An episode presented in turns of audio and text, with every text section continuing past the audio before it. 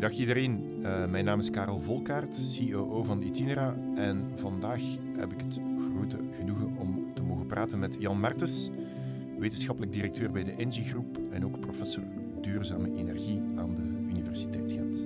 Welkom Jan. Ja, dank u.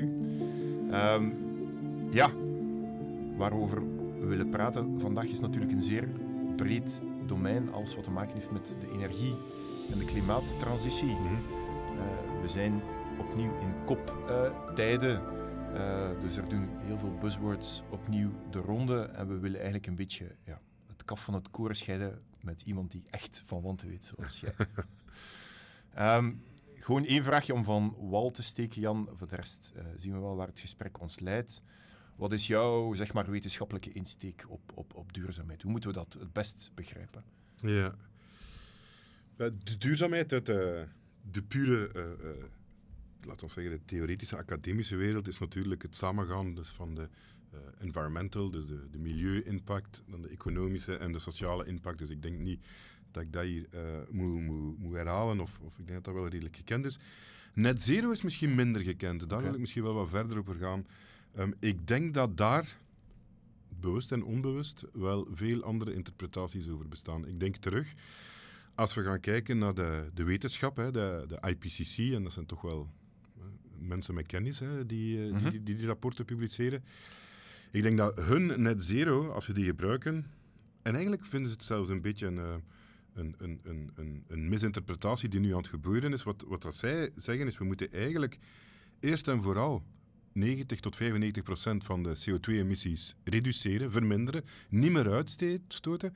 En dan die laatste, hè, van de 40 gigaton die we nu uit, uitstoten, die laatste 5 gigaton, die moeten we dan inderdaad misschien uh, uh, compenseren, zodanig dat we aan die net zero komen. Oké. Okay. Nu, er zijn wel bedrijven die dat anders interpreteren. Die zeggen we moeten net zero zijn. Die vermindering is voor ons veel minder belangrijk. Mm -hmm. We moeten vooral inzetten op compenseren en dan dus negative emission technologies beginnen gebruiken. Mm -hmm. zo direct air capture met CCS, uh, bossen planten, um, biochar. Um, er zijn er verschillende technologieën hoe dat we kunnen net CO2 uit de lucht halen. Ja. Zodanig dat we eigenlijk wel een beetje kunnen verder doen met wat dat we graag doen en waar we veel geld mee verdienen, is onze fossiele brandstoffen verkopen. Mm -hmm. um, en, en ik denk dat dat uh, het gevaar is van uh, de term net zero. Uh, dus en ik weet dat er ook gesprekken zijn om die term daarvoor eigenlijk uh, proberen niet meer te gebruiken. Okay. Omdat die 95% emissiereductie blijft eigenlijk prioritair. Um, um, en dan die laatste vijf kunnen we inderdaad die negative emission om zo tot net zero te gebruiken. En als je enkel net zero zet, dan weet je eigenlijk niet wat is de strategie van dat bedrijf, van dat territory, van dat land. Is in die net zero, zit die emissiereductie erbij, ja of nee? Ja. Omdat het zo belangrijk is, denk ik dat net zero in de toekomst wel een andere connotatie gaat krijgen. Ik denk niet dat we moeten decarboniseren, okay. um, want ik denk dat het uh, niet mogelijk is om zonder koolstof, zonder plastic, zonder chemicals, zonder huid uh, in, onze, in onze maatschappij te leven. Dus ik denk niet dat we moeten decarboniseren. Ik denk wel dat we moeten defossiliseren. Okay. Um, dus dat is, uh, dat is, we, moeten, we moeten stoppen met fossiele grondstoffen zoveel mogelijk uit, uit de grond te halen. Um, dus dat is, een belangrijk, dat is een belangrijk onderscheid. Hoe, hoe, kunnen we... Ik, ik, denk wel dat op zich de target as such, hè, tegen 2050, die, die net zero, um, is wel, is wel oké okay en, is, en is, is goed om te stellen als, uh, als finale strategie. Waar het dikwijls wel mankeert bij bedrijven, maar ook bij staten, is van de targets tussenin. Ja. En ik denk dat we daar meer aandacht moeten aan geven. Ja. Om te kijken van, oké, okay, we hebben het finale target. Nu, dat is nog altijd 30 jaar. Hè. Ik denk dat we moeten veel meer gaan vragen. Oké, okay, super. Maar hoe denken jullie, waar ga je staan tegen 2028, tegen 2035, tegen 2040? En, en wat is de strategie daarachter? Ja. Dat is iets wat veel minder uh, concreet is bij, bij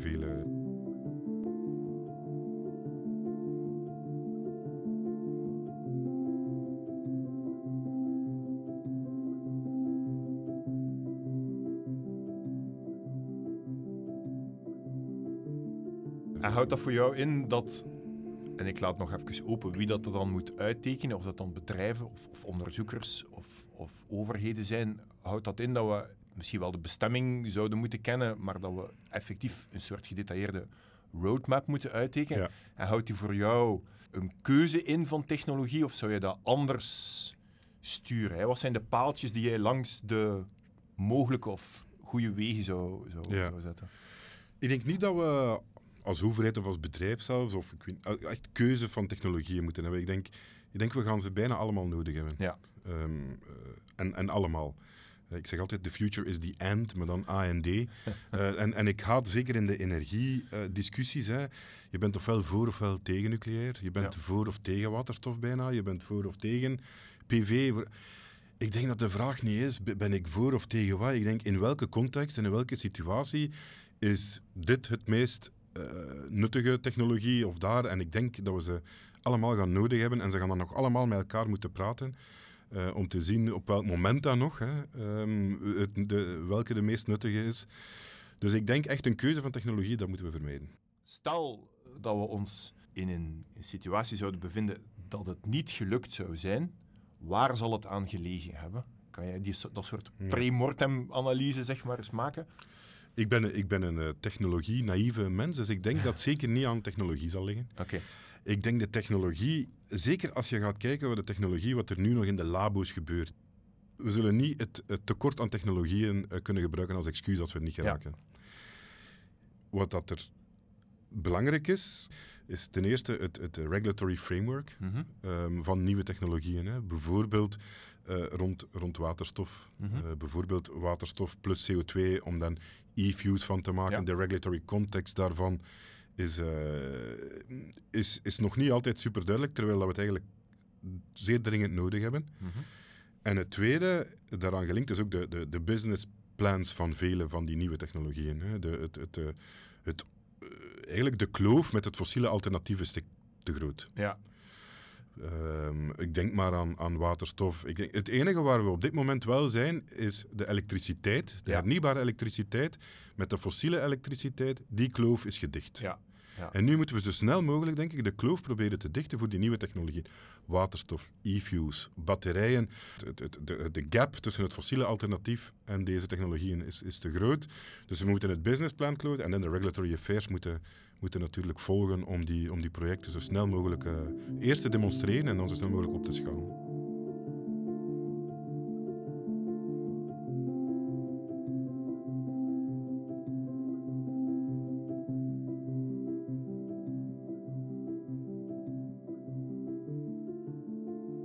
Laat ons nu bijvoorbeeld hebben over de, over de waterstof Ja. en de, en, de- en de e-fuels. Waar loopt het daar fout op dit moment? Als je gaat kijken voor die projecten, ehm, zeker als we spreken over groene waterstof, Ja. dat we waterstof willen maken van elektriciteit. eh, het is zo dat we eh, vandaag in, in België ehm, wel al eh, meer en meer groene elektriciteit hebben. Ehm, maar de prijs daarvan blijft nog altijd significant. Mhm. En als je gaat kijken naar de prijs van uw waterstof bijvoorbeeld, wel, die wordt eigenlijk gedomineerd door twee factoren. Is de prijs van uw elektriciteit, sorry, Ja. van uw groene elektriciteit. En ten tweede van uw electrolyzer zelf, de capex. Ehm, ik denk de capex van de electrolyzer, door schaalvergroting, als we zien wat er gebeurd is met PV en wind, daar ben ik redelijk optimistisch over dat we dat wel oké krijgen. Natuurlijk, de vraag blijft binnen, laten we zeggen, West-Europa, gaan we die prijs van die elektriciteit, groene, hernieuwbare elektriciteit, naar beneden krijgen om er dan waterstof van te maken. Want we zullen niet alleen waterstof moeten maken, hè. we gaan ook meer en meer elektrificeren. Hè. Want, want elektrificatie blijft voor mij nog altijd eh, eh, terug eh, de, de, de nummer één, laten we zeggen. Als je het kan doen met elektriciteit, onmiddellijk is het een beetje zinloos om het 40% van je elektriciteit weg te smeten om er waterstof van Ja. te maken. Dus we gaan in competitie zijn met superveel industrieën en niet enkel voor onze auto's, hè, want de industrie gaat ook meer en meer elektrificeren. Mhm. Dus de vraag is eigenlijk, gaan we genoeg affordable groene elektriciteit nodig, eh, eh, over hebben om die waterstof van te maken? Terwijl dat we die waterstof, of tenminste die groene moleculen, wel zullen nodig hebben Ja. in, in vele van die industrieën. Maar als we ze van ergens anders in deze wereld moeten Ja. halen, gaan we over compressie, over transport Ja. moeten beginnen spreken. Ook geen goedkope stappen, denk ik, in de waardeketen. Nee. Nee. Daarom ehm, terug dat ik zeg dat we niet moeten eh, decarboniseren, maar defossiliseren. Als je gaat kijken terug naar de technico-economische analyse van, laten we nu zeggen, de waterstofproductie in eh, de Middle East, hè, in Mhm. het Midden-Oosten. Dus dat je daar heb je toegang tot goedkope PV-elektriciteit bijvoorbeeld. Uh, wat je daar dan omzet naar waterstof, inderdaad, dan moet je het nog naar, naar hier krijgen. Mhm. Ehm, maar eigenlijk, eh, puur het, het dan liquificeren is één mogelijkheid. Hè. Mhm. Nu, het probleem bij liquificatie van, van waterstof vandaag met de technologie die we hebben, is eigenlijk super duur en we verliezen tot 35, 40 procent van onze energieinhoud verliezen we ehm, in de, het, het, het vloeibaar maken. Laat dan staan dat we dan die boten al hebben en die bestaan om het naar hier te brengen. Dus Mhm. ik denk niet dat vloeibare waterstof zal natuurlijk een belangrijk zijn als het niet te ver is. Eh, maar bijvoorbeeld van de Middle East naar hier denk ik niet dat vloeibare waterstof een, een, een, de eerste optie zal zijn. Wat wel een goede optie kan zijn, is ginder terug in de Middle East de waterstof omzetten naar methanol, naar methaan, naar mierenzuur, naar andere ehm, ofwel gassen zoals methaan, ofwel liquids die we vandaag ook al eh, importeren, maar dan de fossiele versie. Ja. Ehm, en dat is eigenlijk de, de stap om dan waterstof om te zetten naar methaan, naar methanol, naar ammoniak. Eigenlijk zien we dat naar efficiëntie verliezen. Eh, ik zeg altijd, eh, om te lachen, eh, we kunnen de elektrolyse is zo inefficiënt, hè, want we smijten het 40% Ja, weg ja, ja. dat eigenlijk de stap daarna ehm, is eigenlijk, dan verliezen we nog 10, 15 procent in energie. En dikwijls is dat in de vorm van warmte, die we dan nog kunnen valoriseren in, ehm, in bijvoorbeeld eh, de direct air capture van om de CO2 te, te, te- Ja. te- uit de lucht te nemen. Dus ik denk dat we echt moeten nadenken van, oké, we moeten groene energie importeren. Waterstof zal superbelangrijk zijn, maar ik denk in vele gevallen als intermediair naar iets waarvoor dat we de, inderdaad, zoals u zegt, de infrastructuur er bestaat en, eh, en, en, en die we kunnen verder gebruiken. Terwijl Ja. voor waterstof moeten we volledig nieuwe infrastructuur eh, uitrollen ook. Hè.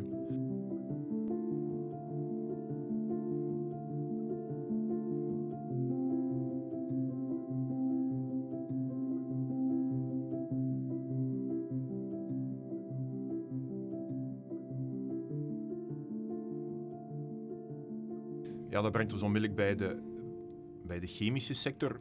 Als we naar ons land kijken en, en onze troeven, waar passen wij in dat plaatje? Waar zouden wij als België moeten op inzetten? Ja, ik denk, ik denk dat we moeten realistisch zijn en ik denk dat we dus zeker ook voor de chemie van die hernieuwbare methanol of e-methanol, of, of noem het hoe dat je wilt, zullen moeten importeren. Ja. Ehm, ik denk wat dat we als kennisland en zeker in de chemie ehm, en ook hier eh, in Gent, maar aan, aan al onze universiteiten in gans, in gans België eigenlijk, er is enorm veel expertise in die katalytische chemie eigenlijk om van CO2 en waterstof hogere synthetische waterstoffen of ammoniak te maken. Dus we zouden zo snel mogelijk die processen, en we zijn ermee bezig, hè, er zijn veel groepen, hier ook in Capture, die, die daarop echt onderzoek doen, ehm, om dat nog efficiënter te kunnen maken. Ook naar metalen toe, hè, want dat is iets waar we nog niet over gesproken hebben, maar ehm, veel van die nieuwe technologieën, zelfs PV, wind, batterijen, maar ook waterstof, Ehm, zullen we, die, die zijn natuurlijk, het, het, eh, het ultieme doel daarvan is om de CO2 te reduceren. Maar we hebben wel veel meer materialen nodig dan, vroeger. Hè. Mhm. Eh, als er iets goed was aan kool en, en gascentrales, dan is dat je niet veel materiaal nodig hebt. Over het lifetime gezien, ook al lijken dat supergrote plants, als je dat vergelijkt met de materiaalintensiteit van zon en wind, dan is dat eigenlijk eh, niet veel. Ehm, dus voor, voor zon en wind en batterijen en waterstof hebben we veel meer materialen nodig. Sommige kritische materialen. Hè. Ik denk aan zilver voor, eh, voor zonnepanelen, kobalt, lithium, nikkel voor, voor batterijen, rare earth elements voor, voor wind. Dus we moeten goed wel nadenken dat we, dat we niet... ehm, ik noem dat altijd from emissions to resources. Hè, dus dat we het emissieprobleem oplossen, maar dat we een ander ehm, probleem aan het installeren zijn. Ja. Ehm, of in de LCA noemen ze dat de pollution displacement. Ja. En dat is iets, denk ik, waar dat we te weinig aandacht aan geven vandaag. En het is niet, over niet, niet enkel over niet genoeg hebben, maar ook over de milieu-impact ervan. Ja. Ehm, want het mijnen ervan, het refinen ervan, maar zelfs het recyclen daarvan is niet zonder milieu-impact. Hè. Mhm. Dus we moeten ook daarop eh, versnellen, denk ik, om die processen ook ehm, properder, om het eh, in het mooi Vlaams te zeggen, te maken. Ik, ik, ben, ik ben naïef, hè, dat heb ik al eens gezegd. Ja. Hè. Ja, dus dus ik, ik, ik, ik, ehm, ik durf te denken dat we dat, als we daar vandaag mee beginnen Mhm. en ook versnellen, dat we dat ook wel kunnen oplossen. Het, het ultieme doel daar is, denk ik, de recyclage. Ja. Maar als ik praat met de recyclagebedrijven vandaag, dan zeggen ze, ja, om dat echt large scale te doen, dat zal niet de eerste 10, 15 jaar zijn. Mhm. Dus daar zie ik wel een, een, een, een grote uitdaging, eerder in die eerste 10, 15 jaar eigenlijk, vooraleer dat we die large scale recycling op, op punt krijgen. Want de eerste 10, 15 jaar gaan we veel moeten doen met nieuwe materialen, Ja. eigenlijk alles. En dat wil toch zeggen dat we gaan moeten, moeten opletten dat we niet alleen er niet genoeg hebben, maar ook echt wel de milieu en de sociale impact ook van, van die mining en, en refining. Ik denk dat we daar wel beter moeten over nadenken. Dus daar zie ik wel een even grote uitdaging, laten we zeggen, als de, de emissiereductie-uitdaging. Ik ben, ik ben een technoloog en ik ken dus het meeste van technologie en heel weinig van economie en sociologie. Maar wat ik zie is dat wel eh, belangrijk wordt. Hè. Dus vroeger dat we... vroeger, we hebben nog altijd een LCA-lab hè, met een twintigtal mensen. En eh, LCA staat voor... eh, ah ja, LCA staat voor eh, Life Cycle Assessment, of dus levenscyclusanalyse, waarin dat we proberen niet enkel te denken aan het proces zelf, maar ook wat gebeurt er upstream en downstream. Bijvoorbeeld het PV-paneel, het proces zelf zijn geen emissies, maar natuurlijk, je moet het maken. En recycling, dus het, het, het, het, rec- het- het LCA-denken eigenlijk. We hebben een twintigtal mensen die LCA-studies doen ehm, in Parijs. En wat we nu zien, is dat eh, we hebben ons het lab eigenlijk hernoemd. Het noemt nu niet meer enkel Life Cycle Assessment, maar ook Life Cycle Assessment en Sociology Lab. Waarin dat we ehm, een kleine tiental nieuwe sociologen eigenlijk binnen het lab integreren, omdat we net zien dat vele van die vraagstukken niet enkel technisch, eh, economisch, eh, milieu zijn, maar ook meer en meer sociologisch. En, en dus vandaar dat we ook ons, onze equipes aan het versterken zijn met, met, met nieuwe profielen eigenlijk.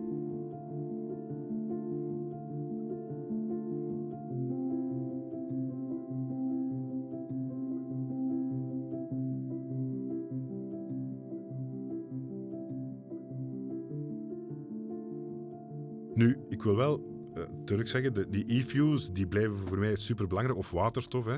Maar de eerste twee stappen daarvoor moeten we wel gaan kijken. Ten eerste, de, eh, ik noem altijd de three pathways om Oké. er te geraken. De eerste is de efficiëntie. Kunnen we het doen met minder energie? Ja, En er is nog veel te doen. ja hè. daar hebben we het nog niet over gehad. Nee, ja. Dat was maar, ja. nog wel eens vragen. Het tweede blijft, de tweede vraag volgens mij, kunnen we het elektrificeren? Mhm. En als we het kunnen, dan moeten we het vooral doen. Mhm. En niet enkel onze auto's.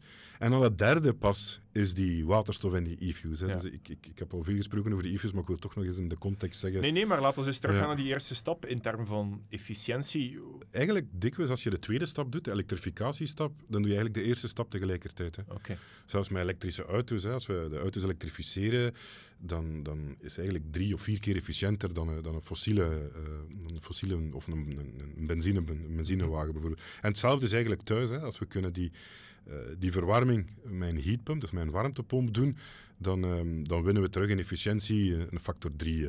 of rond de 3, je kunt erover discussiëren afhankelijk van de temperatuur, maar rond de factor 3 in het algemeen winnen we dan. Dus, dus daar zie ik wel de grootste eh, eh, quick wins. Nu, ze zijn misschien wel quick, maar ze zijn misschien niet zo gemakkelijk. Mhm. Ehm, en daar komen we denk ik ook wel in, in terug. Hè. Het is niet enkel technologisch, maar we moeten ook wel sociaal nadenken daar. Ehm, het is niet zo dat iedereen vandaag op morgen kan overstappen naar warmtepompen. Hè. Ehm, Mhm. De mensen die het langst zullen geconnecteerd blijven aan het gasgrid, zijn degenen die vandaag in huurwoningen wonen, Mhm. ehm, met een, als het goed gaat, eh, een gasboiler, als het Ja. slecht gaat, een, een, een, een mazouttank. Dus, dus tegen die mensen zeggen, ja, ja, je moet, je moet een warmtepomp installeren. Ten eerste, dat zijn meestal huurhuizen, die zijn niet geïsoleerd. Eh, dus het is ook al niet echt geschikt eh, voor lage temperatuurswarmte en dus warmtepompen. Dus het sociale aspect mogen we hierin niet vergeten. Dus het zijn misschien wel quick wins, maar niet zo makkelijke wins. In vele gevallen, hè, het is nu al de derde keer dat ik er mij op betrap, is het probleem is niet zo echt technologisch. Hè. Nee, nee, dat is eh, een van de belangrijkste vaststellingen die we in heel veel van die braintrust-gesprekken ondertussen gemaakt hebben. Technologisch verzekeren de meeste mensen ons, we gaan er wel geraken, of we zouden er moeten geraken. Ja, ja, Het probleem zal ergens anders ja. eh, zitten. Wie heeft eigenlijk de sleutel, of wie zit aan het stuur, of wie coördineert die transitie? Mm. Waar komt de drive van in jouw idee? Ik denk dat we dat samen moeten doen. Ja. En dat is wat een beetje te weinig gebeurt, denk ik, ehm, in, in België en, en Europa. Hè. Als ik zie dat de regulatory frameworks. allee, er zijn wel altijd consultatierondes en zo, hè. Dat, Ja. dat bedoel ik niet. Maar ik zal misschien mij een voorbeeld eh, geven, hè, hier rond de waterstof. Eh, als je gaat kijken wat dat Europa nu over aan het nadenken is, hè, als je wilt groene waterstof, ehm, de label hebben van groene waterstof en eventueel ehm, subsidies, wat we vandaag nodig hebben als we die markt willen eh, kickstarten. Mhm. Ehm, vandaag de dag moet je elektriciteit, de groene elektriciteit, die je gebruikt om je waterstof te produceren, hè, om je water te splitten in, eh, in waterstof en zuurstof, dan moeten die matchen op maandniveau. Oké. Dus dat wil eigenlijk zeggen, ik heb deze maand 100 kilowattuur groene elektriciteit geproduceerd, dus ik mag daarvan 60 kilowattuur waterstof, want ik smeet 40 weg, Ja. ik nog eens herhalen, eh, de waterstof van, van maken deze maand. Nu, vanaf 2028 bijvoorbeeld, denken ze dat, dat ze moeten kloppen op 15 minuten niveau. Mhm. Dat, dat maakt bijvoorbeeld businessplans compleet, compleet onmogelijk. En ik denk dat we daar moeten veel meer samen erover nadenken. Want ik begrijp, ultiem is dat natuurlijk waar dat we naartoe moeten. Maar als transitie denk ik dat we iets toleranter zouden moeten zijn om die markt te, te kunnen, te kunnen kickstarten. En ik vind dat er zoveel van die regulatory regeltjes vandaag wel zijn, die, die, die op zich op het, als ultimum wel oké zijn, maar die in de transitie misschien toch wel wat business, of eh, ervoor niet business, maar nieuwe technologieën verhinderen van door te breken. Ja.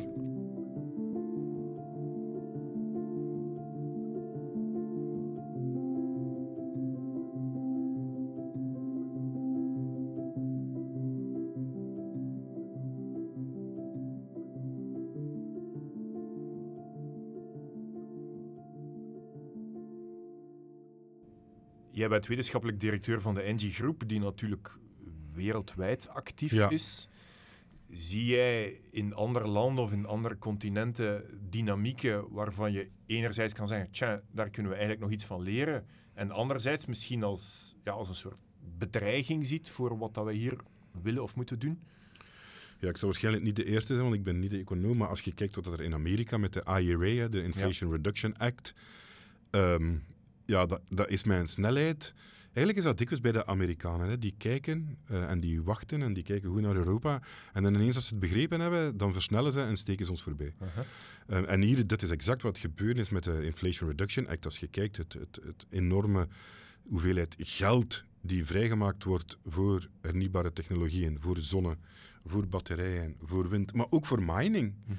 Ehm, omdat ze net begrepen hebben dat we veel van die materialen gaan nodig hebben. En ook voor recycling, dat is eigenlijk een, enorm. Ja. En dus je ziet dat veel bedrijven aan het kijken zijn van, ehm, kunnen we niet ons recycling facilities, ons batterij, megafactory die we willen bouwen, kunnen we die misschien toch niet in, eh, in de US bouwen? Ehm, kunnen we ons mining niet, niet daar doen? En ze gaan eigenlijk een stap verder. Hè. De IRA zegt ook bijvoorbeeld, als je een nieuwe mijn eh, opent, ik zeg maar iets in Canada of Australië, dan is er eigenlijk wel een mogelijkheid ook om eh, een deel gefund te worden van de IRA, als je ervoor zorgt dat er een deel van het materiaal naar, naar de US gaat. Ja. Dus ze gaan eigenlijk wel aan een snelheid die, die, ja, die volgens mij ongekend is. Ehm, en ik denk dat we daar moeten zien dat we niet te veel eh, achterop hinken met de, met de EU. En ik weet wel, in de EU hebben we de Critical Raw Materials Act en de ehm, Net Zero Industrial Act. Maar als je gaat kijken, de ambities die daarin staan vergeleken met wat dat er in de US gebeurt, dan, dan blijven die toch te klein, denk ik. Hoe, hoe kijken jullie naar evoluties in China? Ja, ik ben geen, geen echte eh, China-expert. Ehm, wa- wat, ik wel zie, als we nu die, die analyses doen van, van waar onze hernieuwbare technologieën, die wij als Engie zeer hoog in onze roadmap hebben om er te geraken, Ja. eh, dan maken we ons wel wat zorgen, omdat we zien dat eh, veel van die materialen, zelfs al worden ze daar misschien niet gemijnd, maar ze worden er alleszins gerefined. Ja, de waardeketen ligt wel geen. De waardeke- de waardeketen ligt volledig hinder. Mhm. Ehm, dus dat is een terechte zorg, denk ik, voor veel ehm, Europese en Amerikaanse bedrijven. En hoe kunnen we die naar hier brengen, die waardeketen? Dat is ook niet evident, want terug, dat zijn eh supergrote eh, refineries, supergrote ehm, manufacturing plants van PV, die veel energie nodig hebben. Als we het willen duurzaam doen, groene energie. Terug hebben we er genoeg om dat hier op korte termijn uit te rollen. En ten tweede, ook niet zonder emissies zijn naar lucht en water. Mhm. Ehm, willen we dat? Ehm, hebben we er genoeg plaats voor? Eh, dus dat zijn wel ehm, reflecties, denk ik, die we, die we moeten doen. En ook naar de bevolking toch ook wel beter bewust zijn. Want iedereen wil een, eh, een, een elektrische wagen.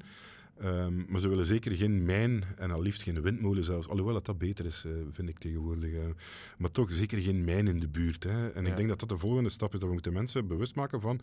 We gaan hier toch ook wel moeten mijnen, moeten recyclen. Ik kom terug op dat materiaalprobleem. Ja. Ehm, als we niet volledig willen afhankelijk zijn van één land voor onze energie, want we hebben dat vorig jaar, het vorig jaar denk ik, eh, met betrekking tot het gas dan. Mhm. Dus ik denk dat we moeten zien dat we dat toch niet, eh, niet, niet herhalen. En daarom dat ik denk dat Europa wel een grote rol te spelen heeft. Voor die recycling zouden we toch tenminste hier moeten kunnen houden. Dat we die materialen hier kunnen houden eigenlijk. En niet moeten blijven importeren. En, eh.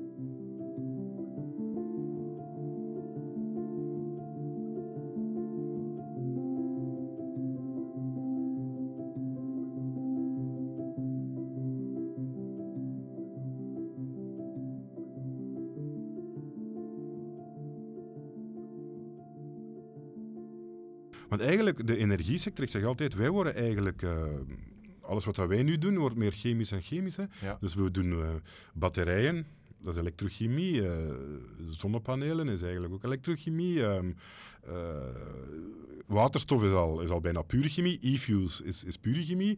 Dus wij worden eigenlijk meer en dichter bij de chemie. En zij ehm, worden eigenlijk ook wel meer en meer energie. Want een, Ja. een probleem is ook, hoe kunnen wij die chemische processen die eigenlijk niet zo eh, gemaakt zijn om flexibel te runnen, maar in de toekomst zal het toch moeten. Hoe kunnen we daar een evenwicht? Hoe kunnen we, eigenlijk moeten we veel meer met elkaar, met elkaar praten, want wij worden, de, sector, de lijn tussen die twee is eigenlijk aan het vervagen. Ja. Ook waarschijnlijk omdat, ja, omdat er inderdaad eh, ja, in alle stappen die je schetst, hè, zowel die van efficiëntie, die van elektrificatie, als dan alle mogelijke kleuren van waterstof en moleculen, ehm, de grens tussen ehm, energie en toepassing, of tussen energie en chemie, voor een stuk gaat vervagen Ja. en dat we dat beter op elkaar moeten laten aansluiten. Dat denk Ja. ik echt. Ja, nee, als ik nog iets mag toevoegen, misschien, want, want ik spreek altijd over de three pathways, hè, die energie-efficiëntie, hè, hetzelfde doen met minder, liefst meer met minder energie, die elektrificatie en dan die derde, die, die groene moleculen die we zullen nodig hebben. Ehm, ik, ik vrees dat ik mijn discours wel een beetje moet, moet beginnen aanpassen, want ik denk dat we moeten ehm, een vierde pathway toevoegen nu, Mhm. omdat we dat veel en meer in het debat moeten brengen. Dat is net die, die negative emission technologies. Ja. Hoe kunnen we toch ook die laatste 5% van de CO2 uit de lucht halen? En daar, ehm, als er nu iets is waarin de technologieën wel nog niet op het punt staan, dan is het in die vierde pathway. Die, die, hoe kunnen we die laatste percentjes CO2 uit de lucht halen? Direct air capture bijvoorbeeld is iets waar dat ik denk dat we technologisch nog veel kunnen verbeteren. Ja. Ehm, ook eh, eh, hoe kunnen we op een goede manier eh, bossen terug, of herbossen, of Mhm. rebossen, of nieuwe bossen. Mhm. Hoe kunnen we ook nadenken van hoe kunnen we misschien toch ook wel de oceaan gebruiken om een deel van ons CO2 op een duurzame manier, zonder impact van biodiversiteit. Daar is heel weinig over gekend. Ja. Omdat het eigenlijk een beetje een taboe was in, de, in het verleden. En ik denk dat we van het taboe af moeten. Maar als ik jou goed begrijp, Jan, voor alle duidelijkheid, dat gaat nog verder dan zeg maar CCS en CCU. Ja, ja. Hè? CCS en CCU is bij die 90, 95 procent Voilà. emissiereductie. Gewoon dat even verduidelijken. Ja, ja, nee, nee, het is echt van negatief. Hoe kunnen we CO2 uit de lucht halen? En tot hiertoe is er nog niemand van wakker gelegen. Eh, nu zien we dat er wel grote bedrijven opspringen, maar jammer genoeg voor de verkeerde reden. Ja. Omdat ze denken dat ze dan die 90, 95 procent reductie niet moeten doen. Ja. Dus ik denk dat we dat uit die taboesfeer moeten halen. Wel, we moeten erop werken, we moeten erop versnellen, maar wel duidelijk maken, enkel voor die laatste 5 procent, niet voor die 95 procent. Ja. Ik denk dat dat debat nu de volgende is dat we moeten, of de vierde stap die ik aan mijn discours zal moeten toevoegen, denk ik. Ja. Oké. Ik had nog één vraagje. Ik kon het niet laten, hè, maar ehm, een eh, recente presentatie van jou die ik zag ehm, begon met ehm, een citaat van David Bowie, hè? Ah, ja. Loving the Alien. Welke alien moeten we graag zien, Jan? Ja. Eh, dus dus eh, de alien die ik daar bedoel is eigenlijk CO2. Oké.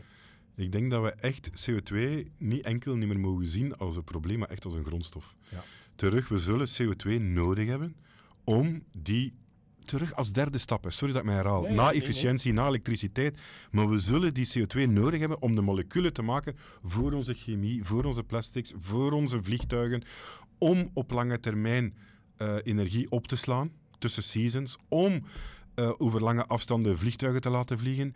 Ik denk niet, jammer genoeg, dat we dat met de eerste twee stappen zullen doen. We zullen die derde moleculen nodig hebben. En daarin zal CO2, net als waterstof, een superbelangrijke rol spelen, net als waterstof, ook als grondstof. En dat is iets wat dat te weinig, daarom dat ik eh, als titel nogal eens durf te chockeren om te zeggen ehm, Loving the Alien of, of hoe de CO2 onze affectie moeten, moeten tonen.